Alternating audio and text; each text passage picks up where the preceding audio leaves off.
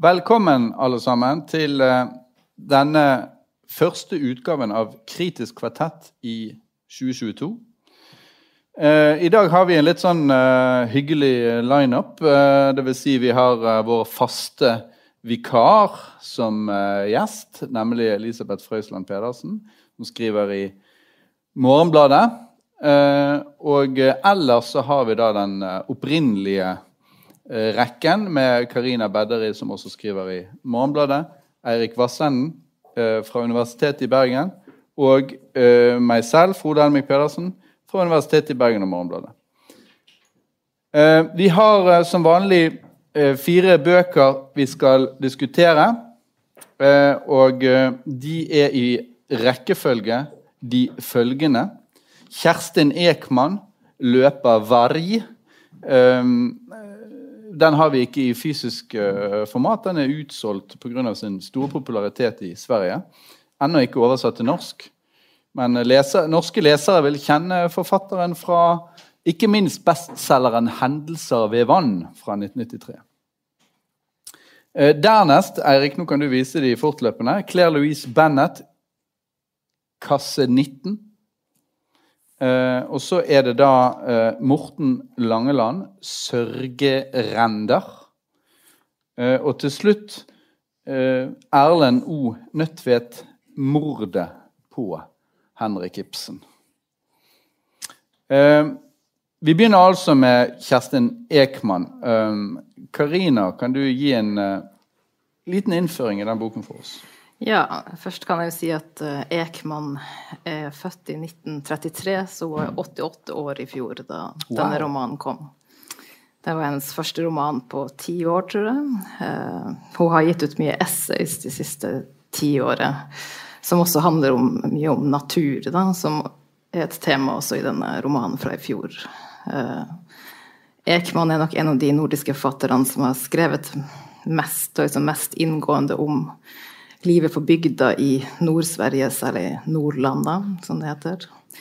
Eh, beskrevet bygdelivet der eh, og naturen, omgivelsene, hvordan de, de, fungerer sammen, kan du si.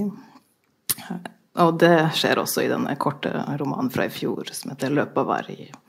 Hovedpersonen og fortelleren er Ulf, en 70 år gammel mann som har eh, vært uh, jaktleder i det lokale jaktlaget i 16 år.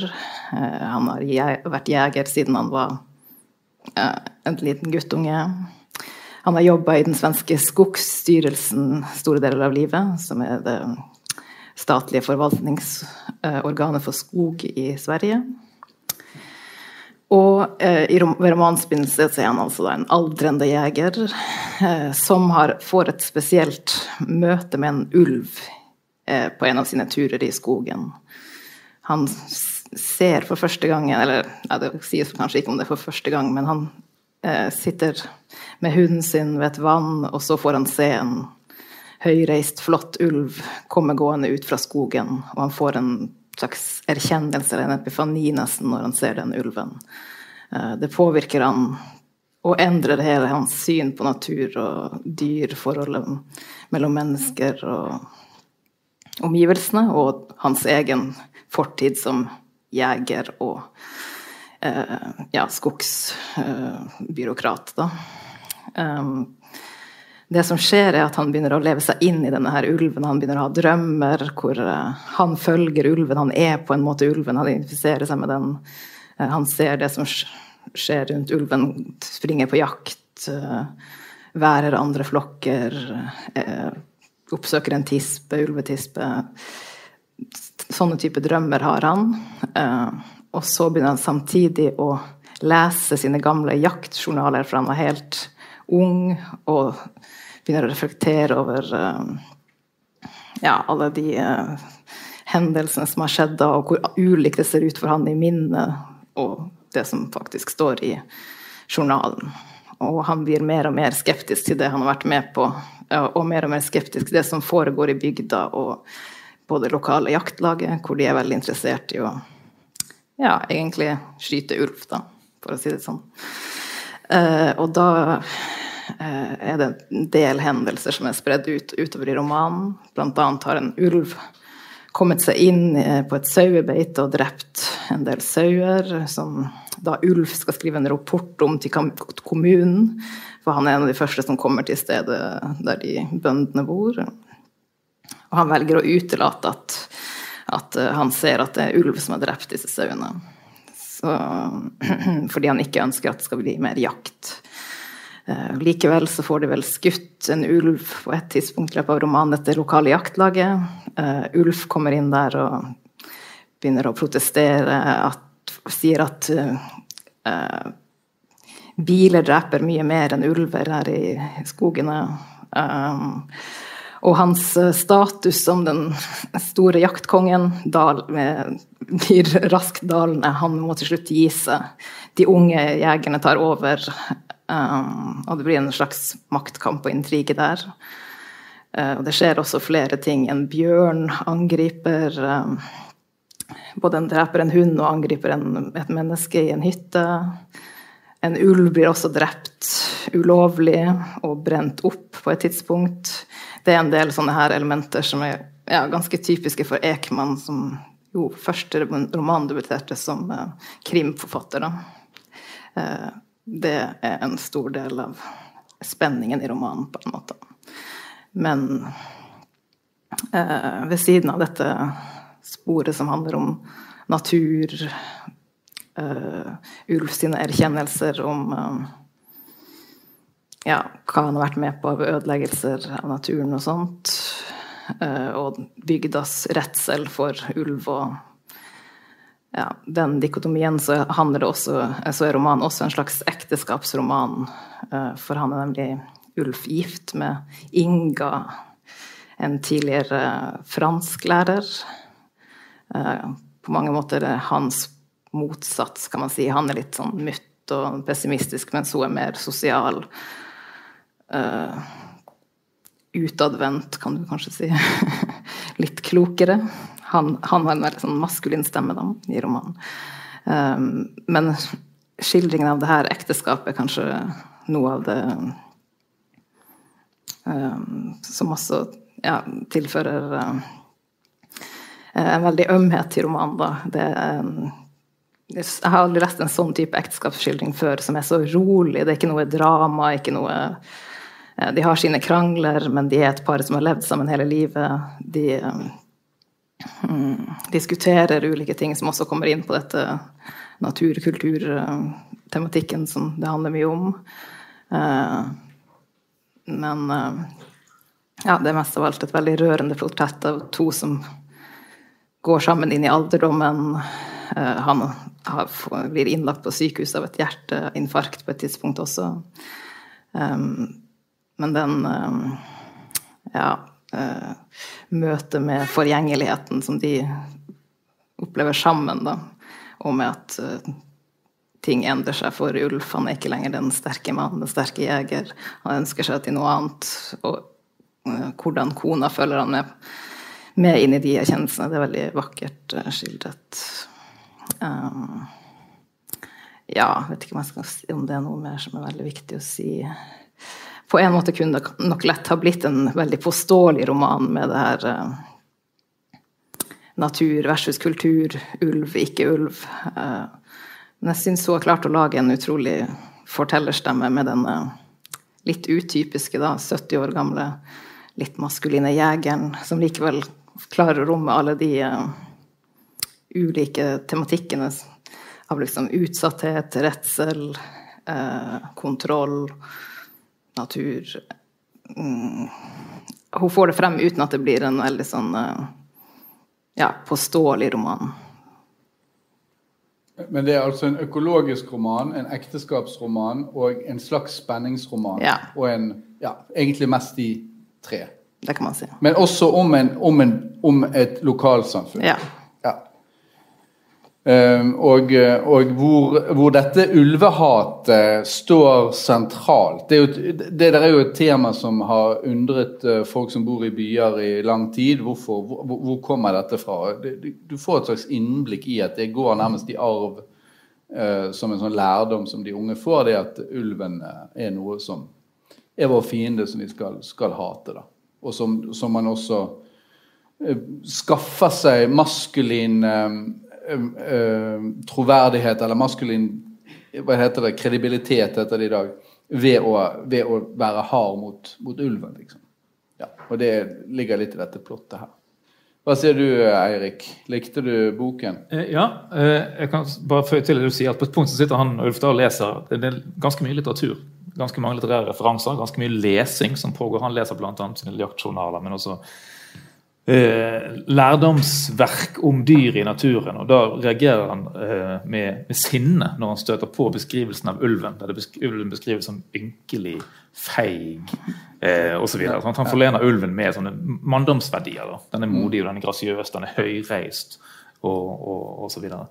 Vakker, stolt, eh, høg panne osv. Mm. Eh, ja, jeg liker veldig godt de delene av den som, som, som, eh, det som Karina er inne på, på, som handler om ekteskapet, samlivet. der. Det syns jeg er helt, helt hm, vakker alderdomsskildring. Eh, og, og, og, det samlivet som da er stabilt, selv om det er en, en haug med små kriser. Mm. Som de liksom bare de, de, bare kommer seg videre gjennom det. Eh, fordi de nok har hatt større kriser før. Til og med det hjerteinfarktet hans håndterer de på som jo er, Han holder på å dø, men, men, men, de håndterer det på en veldig rolig måte.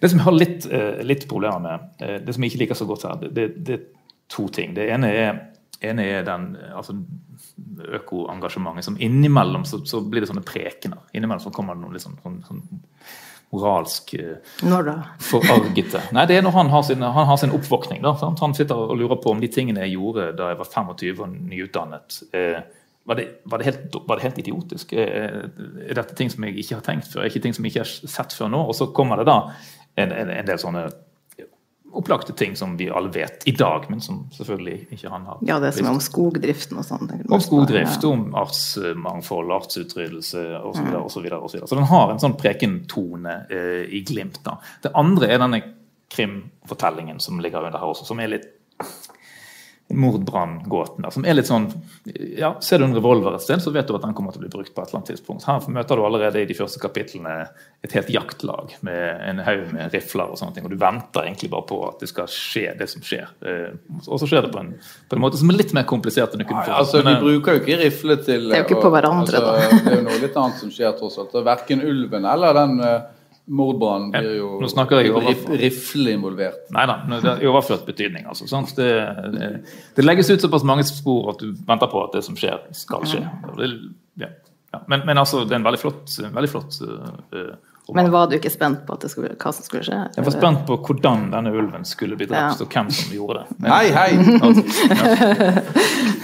uh, hva, ser, hva, ser, du, Elisabeth? Uh, jeg syns det er en ganske fantastisk bok, egentlig. Veldig uh, enkel og samtidig veldig rik. Som uh, Ja. Uh, Karina presenterte i sted. Jeg syns han skildrer veldig fint hvordan den aldrende Ulf da. Han er vel er han 70 eller 80? 70, ja. ja. Men på hans 70-årsdag. Og, og dette er jo folk som har levd tett på naturen hele livet. Eh, altså Det er ikke folk som er fremmed for naturen eller fremmed for dyr eh, i noen forstand. Eh, og at han plutselig får dette synet, da. Som velter om på en måte på alt han har, tidligere har tenkt om særlig dyr. da. Eh, og så har han den eh, altså Det ekteskapelige er jo skildret som veldig nært. Eh, men det er liksom det ene han ikke fortsetter å si til kona. da. Altså han har et illebefinnende Det er vel et infarkt. Han blir henta av ambulansen. Eh, og han sier eh, jeg masse berette deg eh, jeg må fortelle deg noe. Og hun kanskje venter på jeg var utro en gang, men det han vil si, er eh, jeg har sett en varg. Og det klarer han ikke si liksom helt eh, før mot slutten av boka, så liksom privat på en måte, eller omveltende følelsessyne. Og så er det jo en del um, på en måte liksom mystiske erfaringer her òg. Det er jo en del drømmescener, og, og selve tittelen, 'Løpet av varg', er jo et uh, begrep, da. Samtidig som han har denne eh, aginaen, eller sånn, han går på noen medisiner så han vet liksom ikke helt hva som er eh, hva da, på en måte. Han sprøyter nitroglyserin ja, nettopp, sant. Sånn. Eh, ja. Eh, jeg tenker her og der kan være litt didaktisk. Et sånn som du sier, Eirik, kanskje litt over the top. på en måte det At han også er skogsbyråkrat. Og at liksom det hadde holdt på en måte bare med det synet, kanskje. Eh, men jeg syns ikke at det blir eh, plagsomt. Jeg syns egentlig tvert imot at jeg kanskje er mindre påtrengende her enn en del andre økoromaner jeg har lest, faktisk. Ja, så, det- så jeg opplever ikke det som forstyrrende på noen måte, egentlig. Ja, jeg er, litt, jeg er faktisk litt enig i det at det fungerer, det der øko... Det der økokritiske momentet ved romanen. Fordi at eh, det er så tett knyttet til Altså, det er en, det er en mann som svekkes fysisk. Og så er det en parallell bevegelse, eller motsatt bevegelse med at han våkner, så å si. Åndelig. Og det er ganske bra gjort. Altså, hvis du er veldig sterk fysisk, så har du ikke den varheten som den svekkelsen så å si da gir deg. Men så han sier jo på et tidspunkt Ja. denne ulven og synet av den det er det eneste jeg har igjen. Liksom, det han kan eh, identifisere seg med. Og liksom, ja. Men, men samtidig er det litt mer mystisk enn du ga inntrykk av. Ja, Karina. det er- Eh, han løper jo faktisk med denne ulven, og det er nærmest en sånn, for det er jo en sånn gammel sånn animalistisk uh, totemaktig eh, erfaring hvor du, hvor du har ditt dyr og sånn, og han smaker leveren, og han kan smake de forskjellige tingene som ulven smaker. Og har brukt det i noen tidligere romaner også, samme begrepet. Akkurat. ja. Nei, og, så, og så nekter han jo på at det er drøm. Sant? Det, er ikke, det er ikke drøm, det er han, han, han er faktisk i den der ulven. Det som, liker, det som jeg liker veldig godt med romanen ellers, er den der kontrollen hun har på det fysiske universet. Faktisk minnet meg nesten litt om Cormac McCarthy på akkurat det. Det at hun vet hvordan ting foregår. eh, hvor, hva som er mulig i snøen, hva som ikke er mulig. Altså du, du virkelig stoler på at hun vet hvordan denne verden virker. Eh, og hva man skal gjøre. Hva gjør du hvis, hvis eh, en fyr er blitt angrepet av bjørn inne i sin egen jaktstue? Eh, alle de tingene du må gjøre i rett rekkefølge. eh, du hvordan du må ha med deg, og hva, hva som er farlig og hva som ikke er farlig. og sånn. Det har hun veldig god kontroll på, syns jeg. Og, og, og det trenger hun, for hun er nødt til å vise at Ulf nettopp er en veldig god jaktleder. Som kan alt dette, og som er klok. I motsetning til han som tar over. Ronny. Som er en ung oppkobling som bare vil skyte. Ja, Han vil ut i ja. skauen og plaffe ned dyr. Ja, altså litt, den, den er litt svart-hvitt, da. eh, denne ja han er litt sånn hånlig. Men så det som jeg er enig med Eirik i, er mindre grad det med at det blir eh, prekenaktig. Men det som jeg merker meg, er jo dette litt sånn krimplottaktige som hun, eh, hvor hun er litt manipulerende i fortellerstilen. Altså hun holder tilbake strategisk informasjon, og så porsjonerer hun det ut for å få spenningen. eh, Sånn som, for å få leseren der hun vil ha leseren. Det er tilgivelig, ikke minst for, eh, for folk som leser krim, da, som, som helt sikkert kanskje, kanskje vil oppleve at dette er litt sånn drivende på en god måte. Eh, Det er, en, det er en fortelling som rett og slett er enig med Karina hvis det var det du antydet, at du lurer på hvordan det skal gå. Du lurer på hvordan eh, og, og, og det der med at eh, det som skjer med den ulven og, og den campingvogna det, det Jeg skal ikke si for mye om det, men det er ikke noe sånn som ligger i kortene, akkurat. Det er jo Selv, selv, ikke, selv ikke når de der politiundersøkelsene begynner, så var det helt klart hva som skulle skje der. Men Hva synes dere, kan spørre om en ting? Hva syns dere om, om hele det der metalitterære nivået? Måten eh, tekstene som de leser, og tekstene som hun refererer til, og sånne ting flettes inn i handlingen. Det tok jo 120 sider cirka, eller 100 sider cirka, før Jack London blir nevnt. Jeg, altså jeg sitter med den der eh, 'når villdyret våkner'-følelsen hele veien fra begynnelsen av. Som var en av mine store eh, prepubertale leseopplevelser. Altså, litt sånn. Prepubertal. Ja, man leser den når man er ti, ikke når man er, ikke når man er Du kom sent i puberteten. Men, eh, men Barndomsopplevelser. Ja, nei, men uansett så Uansett så jeg, jeg reagerte mer når han begynte å snakke om Dante. Det var litt vel mye for en sånn skogvokter oppe i Nord-Sverige. Men det sto riktignok at han ikke hadde lest den. Det var bare egentlig konen som hadde Men de er jo lesende, liksom. Og de er jo, når, de, når de er på sykehuset, så, så besøker hun han på et eller annet tidspunkt, og så sier han han har vært på rom med tre andre som hørte på musikk, hvis det kan kalles det. Og hun bare Ja, vi er jo snobber, liksom. og så sitter de og ler av det. Altså, de er jo ja, kulturelle, da. Ja da, de er det. Og det fins sikkert uh, der. Og, og, fra en storgård som har gått tapt. Mm. Altså Det er en sånn, det er sånn uh, fallert storhet i slekten også, da. Ja. Som en del av fortellingen her. sant? Ja. Han blir skog, skogbyråkrat istedenfor stor skogseier. Ja, ja. Mm, jeg tenkte kanskje iblant at uh, altså det sporet med den journalføringen at det poenget på en måte med sånn benevnelsen av dyret kanskje var litt sånn hamra inn. Selv om jeg er på en måte med på det etter hvert. da, Men eh, plutselig så begynner han Hva å si Hva mener du med benevnelsen eh, han, han begynner å si 'han', altså om dyret. Oh, ja. Ja. Altså om vargen, da, på en måte, og, som gjentas veldig mange ganger. da, på en måte, Og, og kona konfronterer meg 'hva sa du'? Du sa 'han'. Ja, eller alle, ikke alt, og skutt. Ja, sant? Ja, at han menneskeliggjør Ja, nettopp. Ja, men, men, og det blir et mord. Sant? Ja, men som jeg i begynnelsen tenkte kanskje var litt sånn smør på flesk, men som etter hvert også er egentlig med på utover ja. i, i boka. Ja. Ja, jeg tror, må, jeg tror, vi må, runde av eh, denne diskusjonen med dette. Jeg, jeg, jeg, vil, eh, jeg, vil, jo da si at eh, romanen klarte seg meget godt i dette panelet. Og, men dessverre fins ikke på norsk. Litt vanskelig å lese på svensk, ikke er jeg enig i det? En del arkaismer og en del sånne hva skal vi, tekniske skogdrifts- og jakttermer som ja, men jeg, altså, jeg leser vanligvis svensk uten noen anstrengelser, men her ble jeg sittende og slå opp gloser. Den burde sånn komme på norsk, da. Hva? Den burde komme på norsk. Den burde komme på norsk. Den kommer helt sikkert på norsk på et eller annet tidspunkt. Uh, anbefalingene er herved gitt til norske forlag og hanskene kastet. Vi går videre. Claire Louise, Louise uh, Bennett ja. Kasse 19. Eh, vi har jo tidligere i kvartetten diskutert denne Pond. Ja, jeg tenkte vi kunne kanskje snakke litt etterpå om hvordan de ligner og skiller seg fra hverandre. Men skal ikke ta så mye av det i innledningen. Prøve å holde det litt kort. Det er veldig bra. Eh, Kasse 19, som ser sånn ut. Eh, altså nye romanen til Claire Louise Bennett, som er oversatt til norsk av Bjørn Alex Herman. Eh, og det er en bok man kan si eh, egentlig eh, veldig mye om. Eh, kan jo nevne at han er mye mer ekspansiv enn Pond, som kanskje eh, en del av dere har lest, selv om de ligner hverandre også i, i tonen. Eh, Kast 19 er nemlig mer en tilblivelsesfortelling.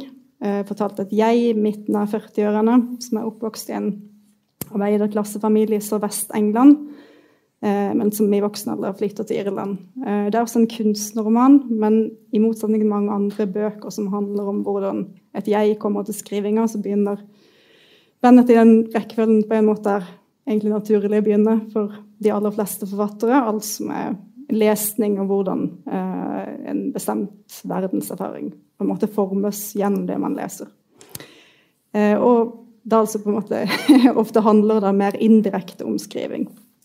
Eh, verdt å merke seg at når jeg i romanen tenker høyt rundt liksom, nærmest grenseløse potensialet knytta til lesning, så handler det om å, å, lese for å komme tettere på verden, og ikke for å unnslippe den som sanselige verden rundt oss. Eh, hun motsetter seg egentlig den ganske populære forestillingen om at, man, at lesning er en sånn ensom aktivitet som fjerner en fra det egentlige levde livet. Eh, og her er det å være leser tvert imot liksom, synonymt med å være overgjennomsnittlig grådig på verden. Eh, boka har en ganske Eh, originalform. Den består av syv lengre kapitler. Eh, som beveger seg fra barndoms liksom, storøyde, nokså tilfeldige eh, oppdagelser av litteraturens kraft, via sånne typiske dannelsespakker fra studentlivet med en modernistisk, ganske stort sett mannlig kanon, til voksenlivets sånn, senere oppdagelse av kvinnelige forfattere og den utvidelsen av verdenserfaring det medfører for jeget. Eh, også kjønnstematikken i boka, som er ganske viktig, kommer til syne gjennom lesevaner. Som når studiekameraten Dale innstendig advarer jeg mot å lese forfattere som Sylvia Plett og N16 fordi kvinner kan bli ødelagt av det, noe som for øvrig ikke gjelder menn.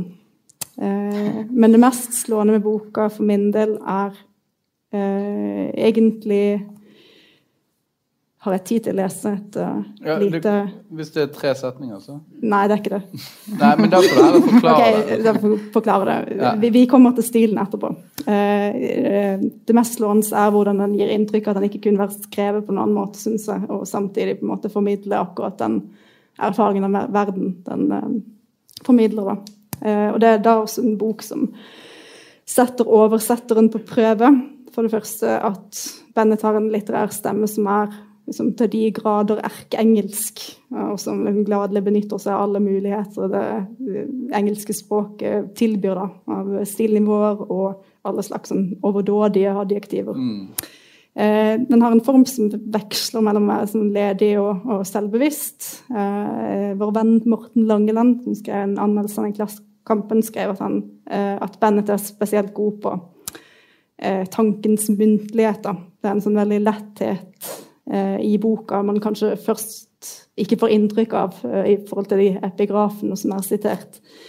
Eh, men den er full av sånn plutselige assosiasjonssprang og er utpreget sånn konverserende i tonen, full av sånn 'isn't it', 'couldn't we', 'it was actually'.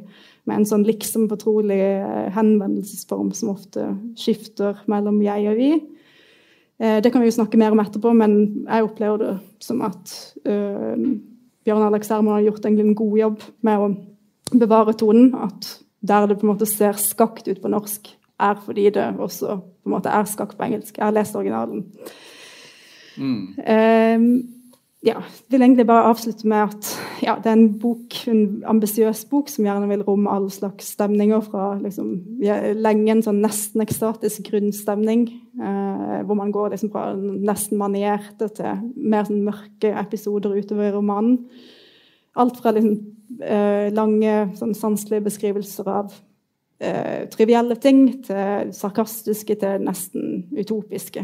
Eh, ja, jeg lander jo egentlig på at det er en veldig egentlig over, overveldende bok. Passer mm. godt å lese i helst en sitting. Overveldende mener du positiv forstand? Ja da. ja da. Uh, og at den har på en måte sine skjønnhetsfeil, men at de er tilgivelige, og at liksom man må på en måte godta uh, premissen når man leser denne boka, men at den har en sånn kompromissløshet som at selv de leserne som ikke er med på noten, at de liksom må likevel bør anerkjenne at han strammer ærlig, da. Så. Ja. Når du sier kunstnerroman, så, det, så, så, betyr jo det egentlig at romanen eh, begynner, den begynner ganske tidlig i jeg-personens eh, liv på skolen.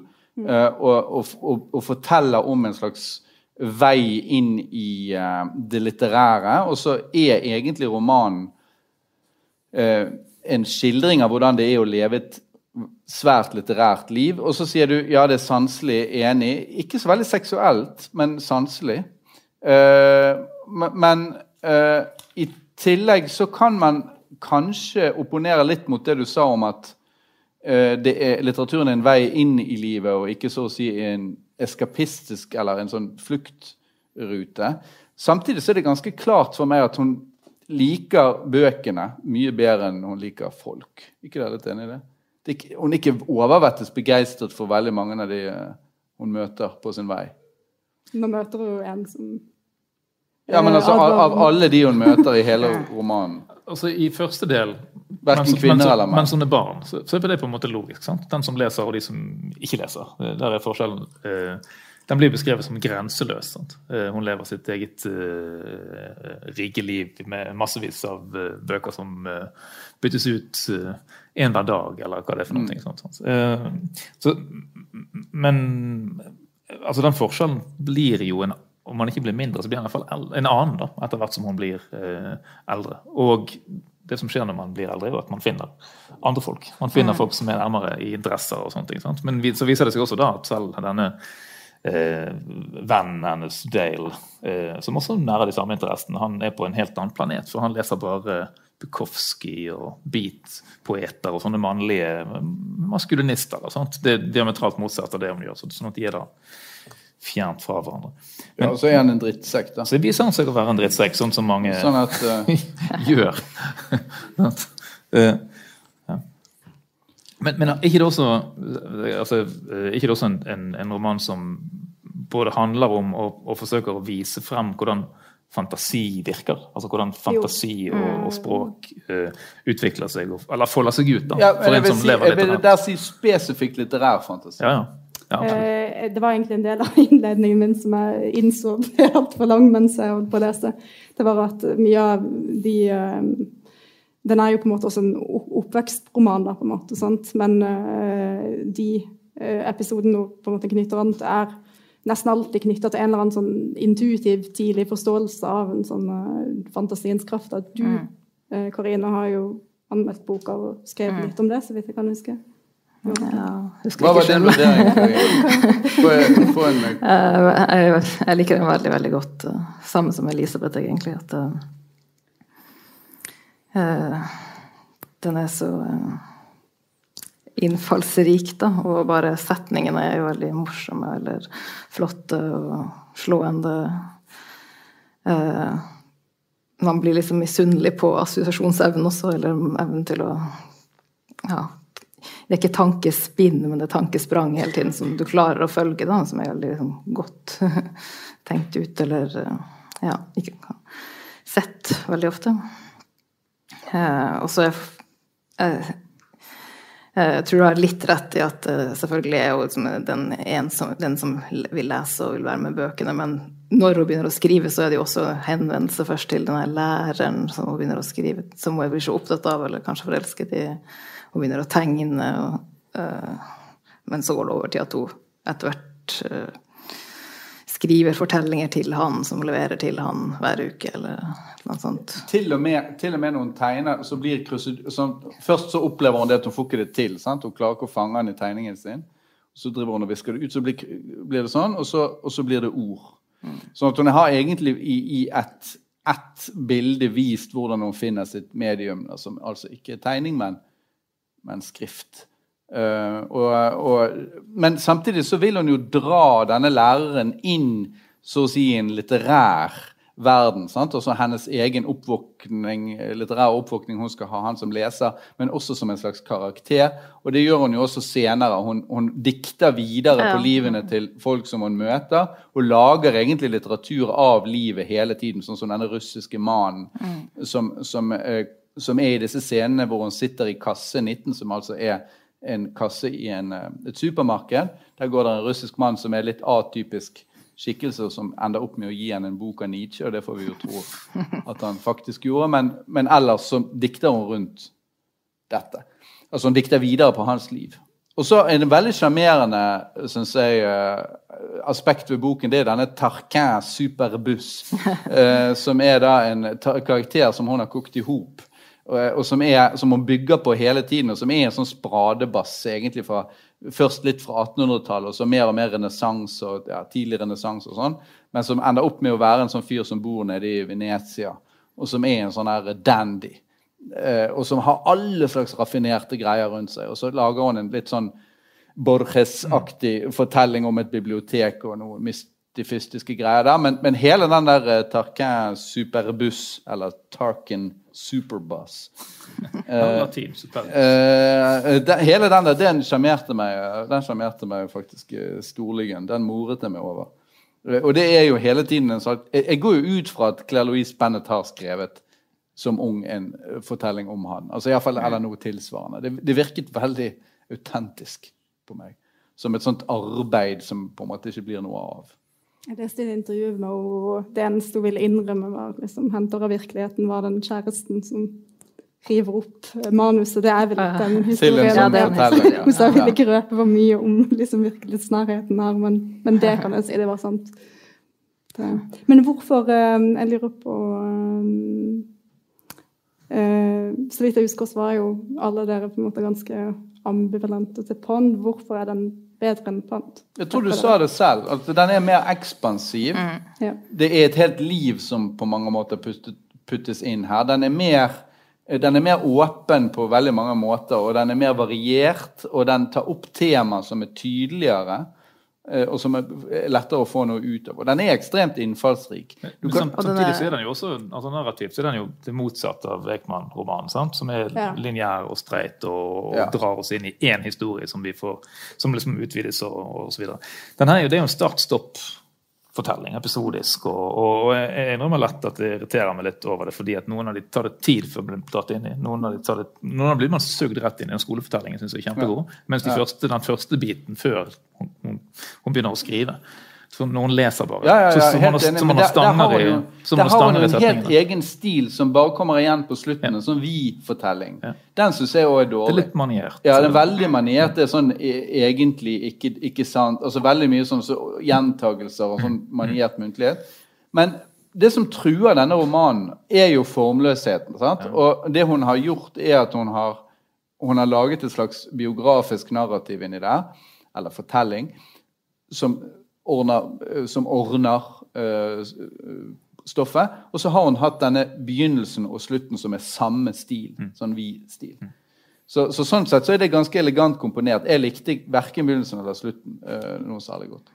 Men, uh, men jeg likte veldig godt romanen som helhet. Men jeg kommer inn på Jeg kan jo lese noen setninger sånne som hennes rast... Altså dette er om en forfatter som hun liker. Hennes rastløse, polemiske, polyfone stil som et sterkt og autentisk uttrykk for et uutholdelig spent og forvirrende paradoks som fremhever hverdagslivet i et arbeiderklassemiljø. Da får man jo litt lyst til å Men er ikke det parodi? Altså ikke det parodi på den type språk som vi holdt på med i 1994 på litteraturvitenskap du, du, mellomfag? du kan ta en hvilken som helst setning og, og, og liksom rive den ut av sammenhengen, da. Ja, da, nei, men Altså, altså, Jeg mener ikke at settingen liksom nødvendigvis er dårlig, men den er ikke for alle. la oss si det sånn. Nei. det, det kan jeg gå med på.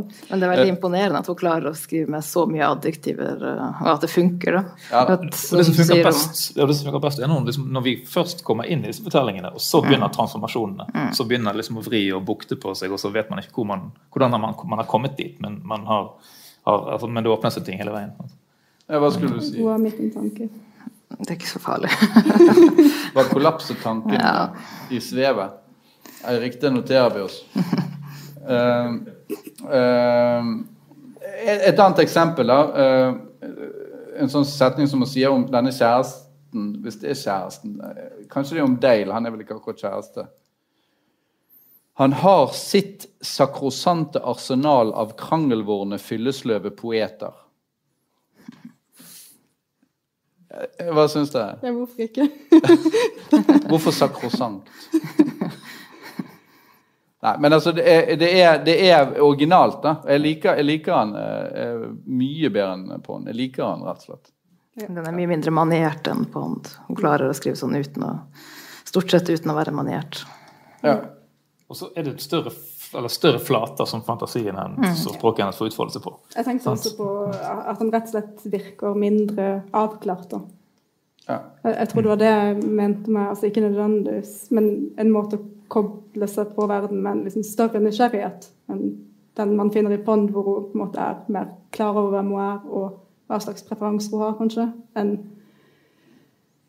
Ja. det jeg er her, da. ja.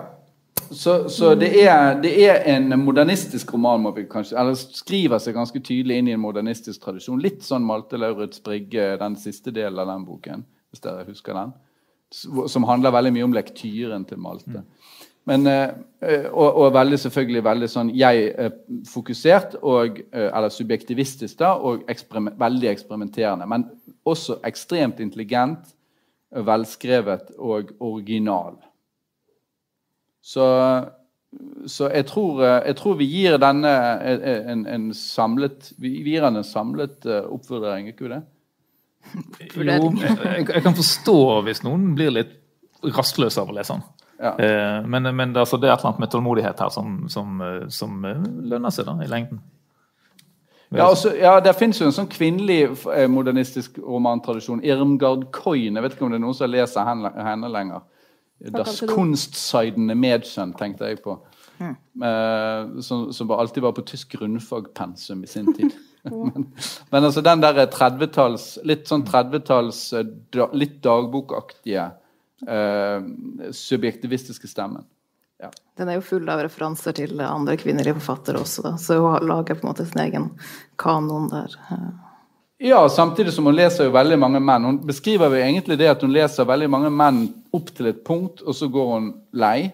Og hun har vært rett og slett veldig interessert i hva er det egentlig menn tenker. Og hvordan er det egentlig å gå rundt der og være mann? liksom, være helt sånn fri. Det er det hun sier etter at hun har sluttet å lese menn. Nå leser, fra nå leser jeg bare kvinner. Hvis jeg skulle gidde å lese en mann, så er det kun for å finne ut noe om hva han egentlig holder på med. Ja. Altså Mer av strategiske eh, årsaker enn av de litterære. Ja, og så er det den kanonen med Tove Ditlevsen og, og med, med Sylvia Platt og hva det nå heter, alle sammen. Mange. Mange. uh, hva, hva het hun fra Brighton? Husker du, husker du det i farten? Anne Quinn. Anne Quinn, Quinn, ja. Anne Quinn spiller en, eh, en betydelig rolle her. Eh, ja, så, så vi, vi går, kanskje går videre til neste roman. Vi har vært unisont positive til denne. Og så er det en roman som er skrevet av en norsk uh, samtidsforfatter som kanskje ikke er helt ulik uh, Bennett på alle vis, uh, og som også anmeldte henne, da. Mm. Positivt. Ja, Morten Langelands 'Sørgerender', som dere ser hvis dere kan se omslaget. da. Så er boken dekorert av martiniflaske, parfyme, sitroner, laks, mat. Det er rett og slett en, en, en roman som eh, eh, forteller om et, eh, et, eh, en, en, en dag i en ung, halvung manns liv. Eh, 35 år gammel. Nøyaktig 35 år gammel. En slags midtlivskrise da, som utspiller seg i løpet av denne dagen, som inneholder eh, først en scene der han og kompisen skal drikke øl oppe på Vulkan. Eh, Kunsthøgskolen i Oslo. Og så får de se, eller oppdager de at et barn har falt ut i Akerselven. Dette i mars, og det er is og snø og sånne ting. Og mens kompisen redder dette barnet og får ham på land, og, og, og det kommer ambulansefolk, og, og han har gjort en heltedåd, så har hovedpersonen, HP som han heter, han har eh, funnet og lykkes i å dra i land en laks. Liggende på magen, sprellende på isen. Så han med, bare med hendene sine fått en laks på land. Eh, og så handler resten av romanen da ikke om eh, hvorvidt det har gått bra, noe særlig bra med dette barnet som er reddet, men om laksen som de tilbereder og inviterer en haug med med eh, venner. Og så er det da eh, unge menneskers, halvunge menneskers eh, mennesker midt i livet eh, sin, sin, kveld. En slags sånn eh, dekadent eh, festaffære der de lager laks eh, og spiser laks og alt mulig annet slags eh, delikatesser som de får inn fra restauranten som denne HP jobber som kelner på. Drikker masse vin og drinker og kokain og ketamin og, og, og, og alt dette. Mens de eh, forteller historier. Forteller fortellinger. Hele tiden. Kjeften går på de ett i kjør. Eh, og den er jo skrevet da i eh, skrevet da i en slags sånn korona- eller post-korona-stemning. Så jeg får, kan få en sånn Dekameron-aktig eh, eh, følelse av dette. Unge mennesker som forteller hverandre historier for å, å liksom holde seg i live, eller for å holde ut eh, da, innestengelsen. Men så viser det seg at det de holder ut, er jo bare livene sine, som sånne uh, vellykkede kulturmennesker i Oslo. Uh, og, og, og, og uh, innestengelsen den er vel egentlig mest stengt inn i sitt eget, sin egen festtilværelse. Uh, det er en scene der midt, på, midt, omtrent midt i romanen der uh, hovedpersonen HP uh, går inn på badet, står og stirrer seg, stirrer seg i speilet i, etter å ha snortet litt for mye ketamin. og Da utløses jo en del sånne hallusinasjoner. Som kjent. Ja, som, som kjent, ja. Og så har han, gjennomgår han en slags sånn krise. Han står og ser på sitt eget aldrende ansikt. sitt eget, altså, Han kjenner at han er, han er eh, midtveges i livet, som det heter eh, først i, i, Dante. Og eh, lurer på hva det egentlig skyldes. Og så er det et slags sånn frigjørende gest, et øyeblikk der han da kaster mobiltelefonen sin i fliseveggen som han knuser. og Da føler han seg veldig fri et, et lite øyeblikk. Og så låser han seg ut igjen, og så fortsetter eh, festen videre. Eh, så man kan si at det er veldig sånn trangt lite eh, en, trang liten fortelling. Men eh, det man også kan si er at den beveger seg et eller annet sted mellom en slags sånn bekjennende eh, fortelling og en slags iscenesatt eller konstruert fortelling om en, eh, en livsfølelse. Altså det, sant? Han, den er tett på på ett vis. En slags sånn selvbiografisk, virkelighetslitterær affære. Det dukker opp kjente mennesker underveis. Renate Reinsve, verdens verste menneske. Eh, altså hun spiller i Hovedpersonen eh, i 'Verdens verste menneske' dukker opp der. Eh, jeg oppfatter det som at hovedpersonen i romanen 'HP' har en kropp som ligner på forfatteren Morten Langeland sin. Hår og, og en del sånne ting. da. Samtidig eh, så har han også da funnet eh, eh, funnet en, en, reelt eksisterende person som han har tatt en del elementer fra. HP heter hovedpersonen. Han jobber som byens sureste kelner på Bar Brutus. Eh, hva Er det en ekte person? Det er en ekte, ja. er en ekte person. Som, som, han er daglig Hans Petter Blad, journalist. Og er det Hans Petter Blad? Ja. Nei, det er det ikke. Jo, jo han, han, har nemlig Instagram-nikket Sur kelner. Og er daglig leder av Bar Brutus i Oslo. Så hvorfor han har blandet inn disse, disse biografisk-dokumentariske elementene her, det vet jeg ikke. Men jeg får en følelse av at det han undersøker her, er da dette 35 år gamle mennesket med en sånn litt sånn Peter Pan-aktig eh, manglende vilje eller evne til å, å, å leve et eh, vanlig liv. Eh, og når hun Renate Reinsve dukker opp eh, som en slags som en gjest som sier en del litt rare og ikke så veldig moffe, så veldig eh, intelligente ting, eh, så, så, er det en slags referanse til Joachim Trier sine filmer, som jo i veldig stor grad handler om den den der følelsen, og særlig denne siste. Der, så, så det er en konseptuell utforskning av 35-åringen sin krise. Samtidig som det også er en litt sånn, sånn rant da, som bare ruller av gårde. Jeg har ikke sagt, noe, har ikke sagt noe om språk ennå. Pluss at det er røverhistorier. Ja, ja. Ene, Massevis av altså, den, Det er røverhistorier, for den, den der laksen, 6,5 kilo, den får han opp mens ja. han ligger egentlig allerede litt sånn småfull på et isflak i Akerselva. Vi tror ikke helt på det, kanskje. Og får den opp, og han bryter med den på isflaket og får han, får han på land. Og så har de også en førerløs bil som de kjører rundt i Oslo med om natten, som kjører helt av seg selv, og som kun tar instruksjoner på fransk. Så må de oversatte gatenavnene til fransk. Som Renate Reinsve har fått av en fransk bekjent, for hun er jo stor i Frankrike. Ja, ja, ja. Så det, det, er en sånn. Også, pluss at noen av de rettene som de lager, er vel òg fantasiretter. Altså den støvsugerposen med granat, eple, popkorn og kaviar, det, det har jeg sjekket. Eh, det, det går ikke an. Du har prøvd å lage det?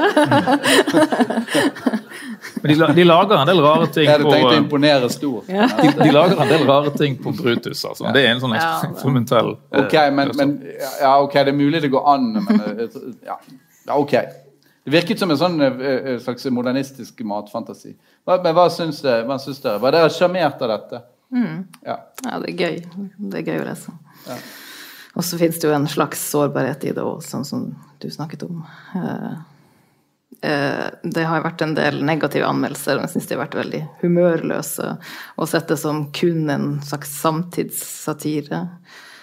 Uh, som jeg tenker er feil, da. Eller at de personene på festen, alle de kødder med liksom, samtiden og ironiske Både med henblikk på sitt eget liv og, og liksom verden. Men romanen som helhet er egentlig ikke så satirisk, spør du meg. Det Altså Er innvendingen at det blir litt sånn der Oslo-urbant, uh, uberhipt og ikke så veldig uh, samtidskritisk, f.eks.? Ja, det har vel vært kanskje en innvending, ja. Ja. Men ikke fra meg. Nei, altså, Han er jo ikke så veldig samfunnskritisk. Men, men kunne gått, man kunne, Det tror jeg er min, min uh, lesning av det. At den, at den, mer er en slags satire på den der uh, Oslo-følelsen. da. Uh, at, han, at, han, stiller ut en del av de tingene som disse karakterene sier, for at vi skal se det, og en del av røverhistorien, en del av fortellingene som, som jo ikke som ikke holder. Sant? Det er mm. lettbeinte analyser av ting i verden og sånne ting som, som kommer ut av, av munnene på festdeltakerne. Jo, men, men disse, disse, disse, tingene som de sier, alt er, jo, alt er jo veldig skrudd til. sånn at Du har jo aldri vært på en fest hvor folk snakker sånn. Så hele, hele Ingen som får lov å snakke så lange setninger som går over hele flere mange sider. Og alle liksom er ordekvilibrister hele tiden. Men, men, det er jo morsomt, da. Det er jeg litt enig med Karina. Du, du, må jo bare du må jo bare ta det for det det er. Og det er jo, det er jo konstant et overskudd. Og en eksess som, ja. som øker på utover i, i, i romanen. selvfølgelig. Elisabeth, var du sjarmert? En bra fest. um, Ja, nei, jeg er enig i mye av det Karina sa, om at eh, ja, ikke egentlig oppfatter det så mm, gjennomført satirisk, og jeg blir kanskje heller ikke så eh, sjarmert i det typiske sånn her eh, slenge mobiltelefonen i veggen. og Mer de her absurde innslagene. Han har en sånn scene hvor han eh, Altså, de selv, selvscenene på badet syns jeg er liksom helt fantastiske, hvor han driver og smører seg inn med rynkekremer og, og, og, sånt som han finner der. Eh, men han har også en sånn hvor han ja, stusser tåneglene sine og serverer det drinkene til alle Ja, det er veldig fint. Så er det sånn festen. Ja. del av en liten flørt med en annen jente Ja, som har sett at hun bilder av en sårskorpe og spiste den. Så han sånn, vil du ha spise mine negler? Vi putter de i drinkene. Ja. ja.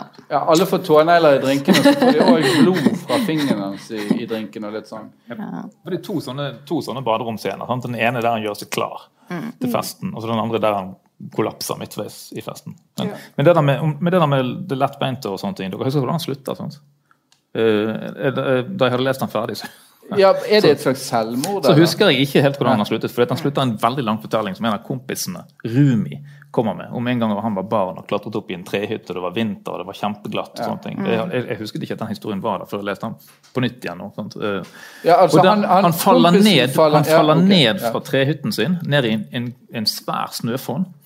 Og så blir han liggende med armene langs siden, tjukt liksom sånn fra, fra livet og opp ned i snøen, for ikke puste. Det er en sånn enormt klaustrofobisk følelse. Og så begynner han liksom å vikle med fingrene og komme seg løs, men ligger fortsatt fast nedi der når romanen slutter. Så den slutter med den, den, Det som er en sånn fest som bare vokser og vokser og blir mer og mer eksessiv, den slutter med en sånn, en sånn klaustrofobisk eh, kvelningsscene. Ja, men han slutter ikke med den, han slutter ikke med den fortellingen. Den, slutter, den eh, er jo i anførselstegn. Mm. Og så siste halve siden er, er på ny jeg-fortelleren, så vidt jeg husker. ja, det tror jeg. Ja. Uh, og der virket det som det var noe så litt sånn selvmordsaktig. Altså det er jo en Den heter sørg, Sørgerender, og eh, jeg-personen, til tross for da at han er en festløve på sett og vis, er jo da i sorg. Og han er suicidal og snakker om at han er suicidal. Så det er et sånt ganske stort mørke rett bak her. Klart Eh. Men eh, jeg opplevde det at uh, f.eks. anmeldelsene i, Morgenbladet, uh, rir opp at de liksom etterlyser en mye sånn renere psykologisk, klassisk sorgroman. Jeg vet ikke om jeg lengter etter mer sånn der, og urscener med liksom speil, at det er liksom uh, Ja, det er der, men det er en del av alt det andre. på en måte. Det er jo også en sånn speiling av festens mange faser, på en måte. Og av og til har de sånne hvile, hvilepauser. på en Ja. måte hvor Det har liksom skravla godt veldig, og så er liksom alle litt trøtte, og så tas det ned, og så trekker man seg kanskje litt bak på badet, så har man kanskje sendt tur ut for å hente noe. At, ja. Ja. Det er jo noe med De snakker, eller leser opp et dikt av Per Sivl og Ja. gjøyme jord. Ja, det er liksom, sånn. ja. ja. Eh, Det er ikke bare liksom jokes hele tiden. Nei da, men det er en del av det. Men, men samtidig vil jeg jo si at det er jo en bragd å gjøre frem og, For jeg er enig i at han er sjarmerende, og det er jo en bragd når han beskriver verdens mest usjarmerende miljø.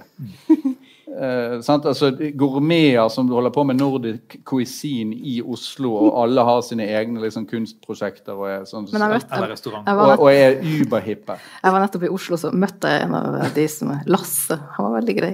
Ja, ja. ja, der ser du. Så de er egentlig, der lærte vi det. De er egentlig greie, alle mann. Eh, men men jeg, jeg likte denne mye bedre enn den forrige uh, Barbar. Var det den, ja. Sånn. Ja. For den var, litt, den var helt sånn kaotisk, litt sånn skriveprøveaktig. Mens her er det et veldig lykkelig grep, det at han faktisk holder seg til denne kvelden. Som gir en sånn struktur til hele romanen, og som tillater han å Altså, han henter seg så å si inn igjen, da. Etter alle disse utskeielsene. Så jeg eh, må si at jeg eh, koste meg etter hvert. eh, da. Mm, Den siste festen jeg leste, sånn, neste roman skal handle om eh, avrustning, finne kjærlighet, eh, fellesskapet og Skating. særegne godheten med Tarjei Vesaas forfatterskap. Så Ja. blir det en annen bok. Han, men apropos det, altså han har, han har faktisk noen samtids, som jeg kom på nå, han har noen samtidsdiagnoser som ikke er så verst. Han sier f.eks. at skating ikke, altså det er ødelagt, skatemiljø. Altså, subkulturene generelt dør ut fordi at alle går opp i sånne der Netflix-kultur, eller en der eh, hva skal vi si, en sånn ny, denne nye digitale kulturen som suger eh, livsnerven ut av subkulturene. Det har han en slags analyse av. Jeg liker egentlig bedre når han snakker altså i begynnelsen om oppmerksomheten som en muskel. da. Ja. Når han ikke liksom bare lener seg på sånne Som er veldig avslappet. Uh... Nei, sånn samtidsanalyser vi kjenner, da, på en måte. Det er jo en ganske kjent på en måte samtidstolkning, den du nevner, da, men han på en måte finner sine egne bilder da, på en måte på å beskrive noe liksom forslitt. Eh, Man kunne finne på en kommentatorplass hvor som helst, liksom, men hvor det gjøres litterært. da. Ja, han er jo litt poet i den her. Og... Sant? Eh, altså Når han er det, da, så syns jeg de skrensene funker. Ja. Jeg var ikke klar over at skate-subkulturen var utdøende. Kjøpt opp, eh, Frode. Kjøpt opp og solgt ut. Jeg noterer meg det. Denne falarien. Uh, ja, men det, vi har altså vært Vi har vært sinnssykt enige i kveld. Og så har vi vært sinnssykt positive. Så det er en slags sånn gladkveld tidlig, tidlig på året. Uh, siste eh, roman vi skal snakke om i dag, det er altså vår eh, lokale eh, forfatter eh, Erlend O. Nødtvedt. Den ser sånn ut. Den er meget eh, nydelig utstyrt. Eh, et eh, slags sånn smykke av en bok som man kan sette på utstilling. Eh, Den er kanskje ikke så grunnforskjellig fra Langelands urbane skisse som man kanskje skulle tro. Eh, felles har de en del ting, bl.a. denne språklige eksperimenteringstrangen. Eh, og i og for seg viljen til å omdanne klassisk dannelsesspråk, eller dannelsesstoff, til moderne gatespråk. Det er jo en god del dannelsesstoff faktisk i den Langeland-boken også. Eh, Men her er jo, eh, mens Langeland da er i Oslo anno eh, 2020, eller noe sånt, eh, 21 kanskje til og med, så er eh, Nødtvedt da i Bergen anno 1851 og årene etter, eller et ett år eller to etter det. Jeg husker ikke helt. Eh, Sånn at Poenget til, poenget til Nødtvedt er altså å skildre det Bergen som den unge student Henrik Ibsen møtte da han kom hit på oppfordring fra Ole Bull eh, i høsten 1851. Eh, og det som er da det plottmessige utgangspunktet kan man si da, i den eh, fortidsfortellingen, det er det uklare eh, ansettelsesforholdet som Ibsen den gang hadde. Det er et historisk faktum. Ole Bull var en eh, impulsiv, begeistret bergensk type som gjorde ting uten å tenke gjennom det. Og det ene han hadde gjort, det var at han hadde ansatt Ibsen på impuls for å gjøre det norske teateret i Bergen det lå jo på engen, mer norsk og mer fremtidsrettet. Og der var Ibsen mannen, tenkte han. Så kommer Ibsen til byen. Faktisk bare måneden før så har de ansatt i full stilling en annen instruktør fra Bergen, nemlig Herman Låding, som var Wergelands venn og hadde vært utdannet i, i Kristiania, og som hadde langt mer dannelse enn Ibsen sånn sett, og som, som var styrer av borgerskolen her i byen. Så eh, Gnisningen mellom denne Herman Låding og den unge Henrik Ibsen er så å si utgangspunktet for fortellingen fra 1850-tallet i denne boken her. I tillegg så har eh, Nødtvedt lagt dette inn i en eh, nåtidsfortelling hvor han bruker sitt eget navn på en forfatter som er i hans egen situasjon, og som da har kommet over noen brev fra den tiden eh, som Hitler har vært ukjent, og som skal da snu opp ned på alt vi har visst, eller mener å ha visst om Henrik Ibsen. Og det vil han da ikke presentere direkte, men han vil presentere det i form av et overskridende eksperiment, eksperimentelt teaterstykke på DNS. Eh, sånn at brevvekslingen mellom da Nødtvedt og eh, teatersjef på DNS, eh, Stefan Larsson, det er, blir på en måte egentlig det som boken presenterer som sine dokumenter. Sånn, hele fortellingen er ting som Nødtvedt skriver til eh, Larsson. Da. Og det som man får ut av det, det er jo at han kan, han kan blande inn sånne I, denne 1800-tallsfortellingen så blander han inn sånne sceneinstruksjoner som er eh, comic reliefs, kan man si. da. Han vil gjerne ha et totalt teater. Altså et teater hvor du deltar med alle dine sanser. Så han vil ha parfymer og han vil ha gateteater. Man skal ut av teatersal og sånn. Og der står det gjerne sånn Spray X. Sant? Altså denne deodoranten X, for det er liksom billig parfyme som Låding bruker, f.eks. Eller er det Ibsen som Ibsen bruker Ibsen. bruker det. Ja. Billigste sort kølnervann. ja, billigste Kølnervannet. Ja. Så eh, Nødtvedt er det han driver med generelt i denne romanen, det er altså å blande tidene, og blander da stilnivåene og eh, det tidsmessige ved språkbruken blandes hele tiden. Sånn at plutselig i 1850-tallsspråket så kommer det moderne gatebergenske uttrykk, og eh, litt sånn vice versa.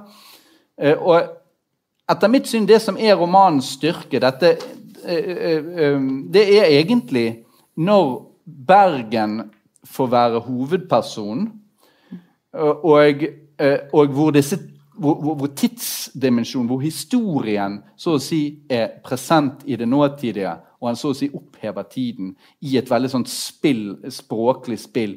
Der er det noen fantastiske øyeblikk i denne romanen hvor, hvor alt funker. Det som ikke funker, uh, er jo da um, intrigen. Eller det vil si, den, den, funker ikke på den måten at det går, det går ikke an å interessere seg for den intrigen for et uh, seriøst menneske. Sånn at Den intrigen har ingen altså Iallfall ikke etter hvert. I begynnelsen kan man kanskje si halve, første halvdel så har intrigen klar, da, ikke det så påfallende, men etter hvert så blir den på en måte crazy. På en måte som uh, gjør at man mister litt interessen for akkurat den. Og det som er opptar en, det er språket, tidskoloritten og uh, på en måte hvordan han, uh, hvordan han maner frem en sånn, som bergensk stemning. Ja, det var min korte ikke så kort. Ja. Hva syns du, Elisabeth? Eh, jeg liker han veldig, veldig godt. Eh, vi hadde jo Vestlandet i kvartetten for noen år siden. Eh, da ville jeg nesten sett i etterkant at jeg kanskje ga den litt mye. da, på en måte. Denne her er så veldig mye bedre, og det tror jeg er fordi han er um, at ikke så anekdotedrevet som den forrige. Det handler liksom mer om å bygge ut en sånn verden, da, veldig detaljert. Uh, så jeg er enig i det, hvis jeg forstår det rett, da, altså det du sier om skape det totale teateret. Eh, liksom, hele Bergen er en scene. Mm.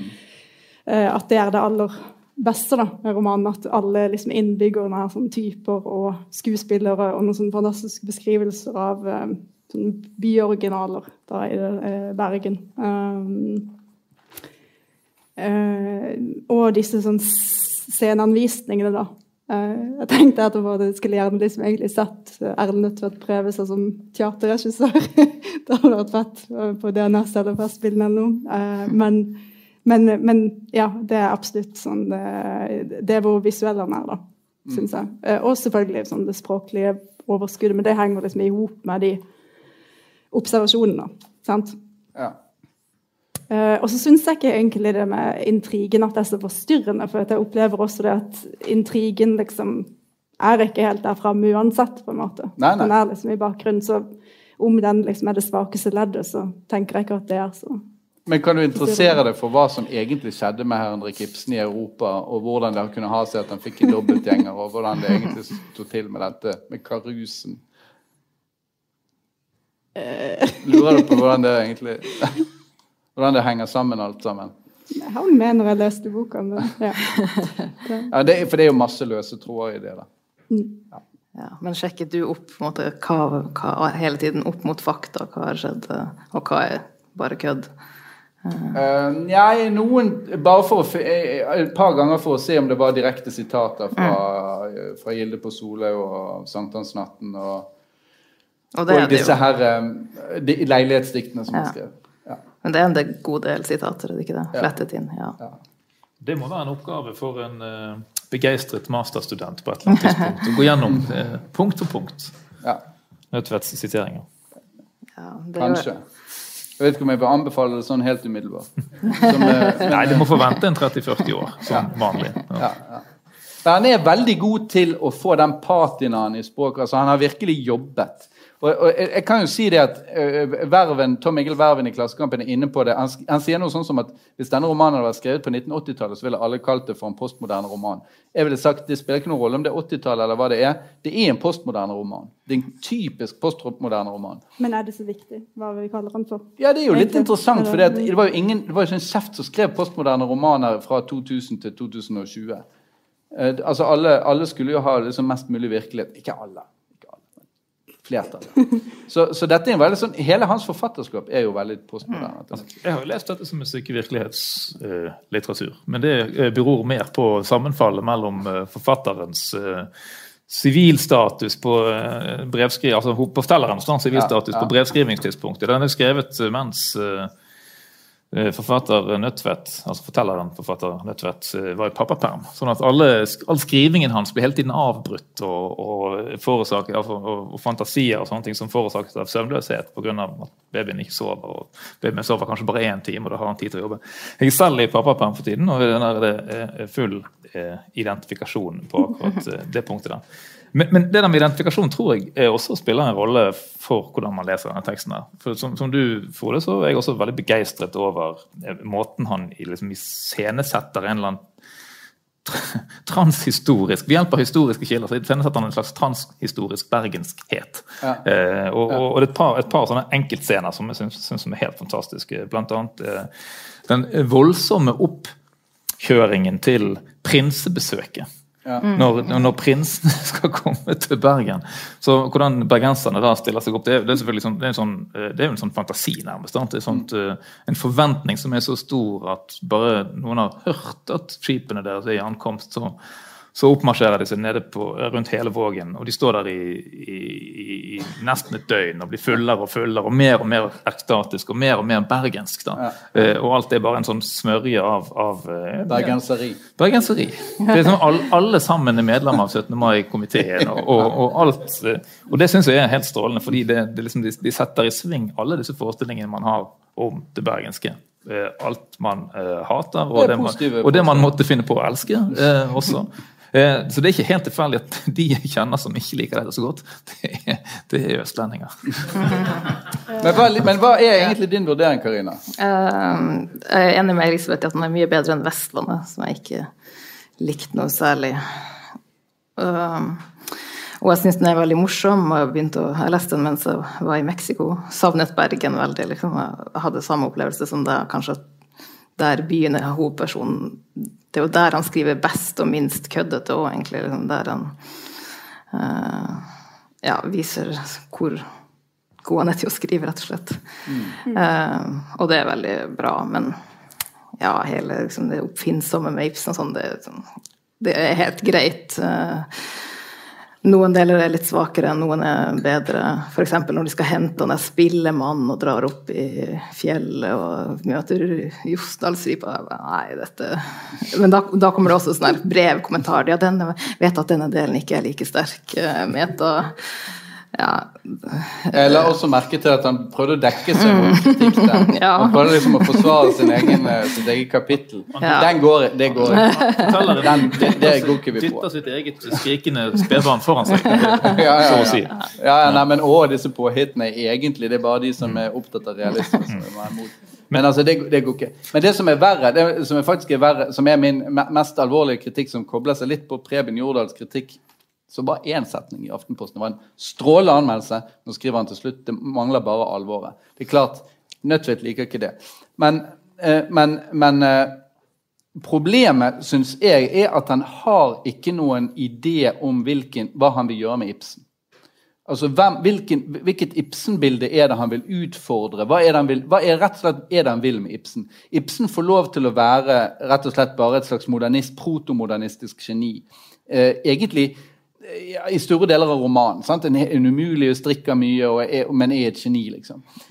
Det, det er jo en Ibsen-klisjé. Og så, eh, og så, er det, når han da får en dobbeltgjenger som kommer inn, så er det på en måte Bjørnson som kommer. Og Bjørnson mangler jo i denne romanen. Og det vil jo absolutt si at, eh, at uh, Bjørnson er jo den store skyggen bak Ibsen her, som kommer som en stormvind inn over Bergen i 1857.